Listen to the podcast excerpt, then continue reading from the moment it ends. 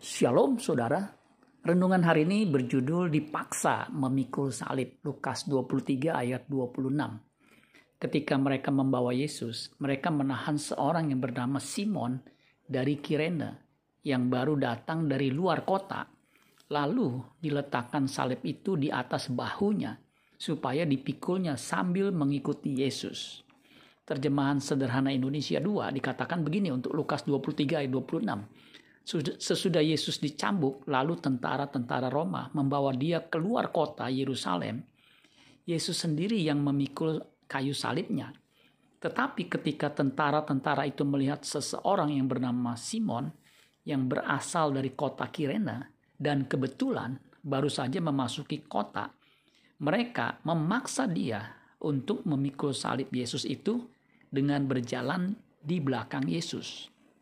Simon dari Kirene dipaksa oleh prajurit Roma untuk memikul patibulum. Peristiwa ini adalah titik salib kelima di mana Simon orang Kirene membantu Yesus memanggul salib Kristus. Patibulum adalah kayu palang yang beratnya berkisar antara 50 sampai 60 kg dan panjangnya sekitar satu setengah meter dengan lubang di tengahnya. Matius 27 ayat 32 ketika mereka berjalan keluar kota, mereka berjumpa dengan seorang dari Kirena yang bernama Simon.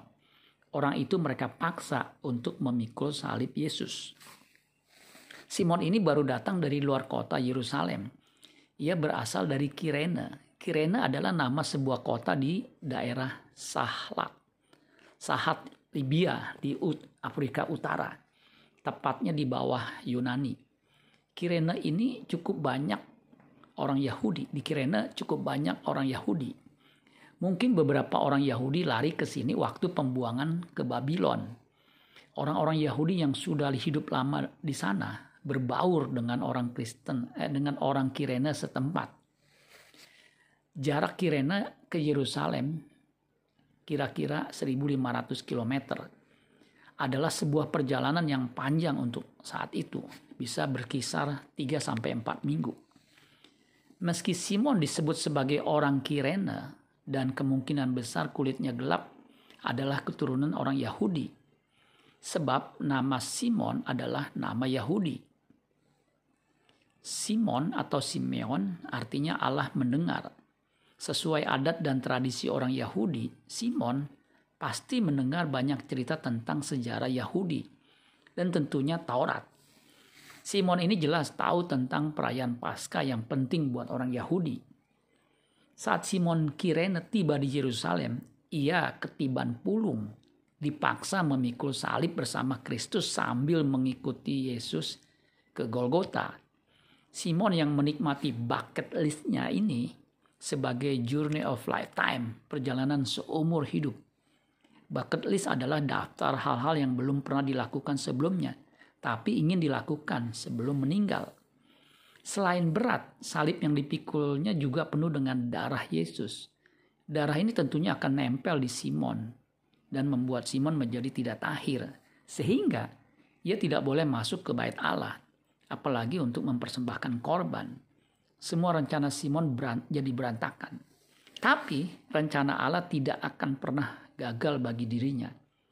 Salib membawa Simon kepada Yesus yang adalah hidup. Bahkan dia tidak perlu lagi mempersembahkan korban sebab Yesuslah anak domba Allah yang disembelih untuk menebus dosanya once and for all. Simon benar-benar merasakan penderitaan salib secara literal. Ia belajar melangkah, menyesuaikan langkahnya dengan langkah Kristus yang menderita. Salib tidak hanya memberikan hidup, tetapi juga arti dan tujuan hidup dengan menuntun Simon untuk berjalan di footstep of Jesus, jejak kaki Yesus. Di dalam kisah para rasul 13 ayat 1, kemungkinan besar Simeon orang Niger, orang Niger yang ditulis di sini adalah Simon orang Kirene. Kita melihat bagaimana berubahnya hidup Simon sehingga membawa dia ke Antioquia menjadi nabi dan pengajar. Mari belajar pikul salib kita masing-masing agar hidup kita diubahkan menjadi seperti hidupnya. Amin buat firman Tuhan. Tuhan Yesus memberkati. Sola Gracia.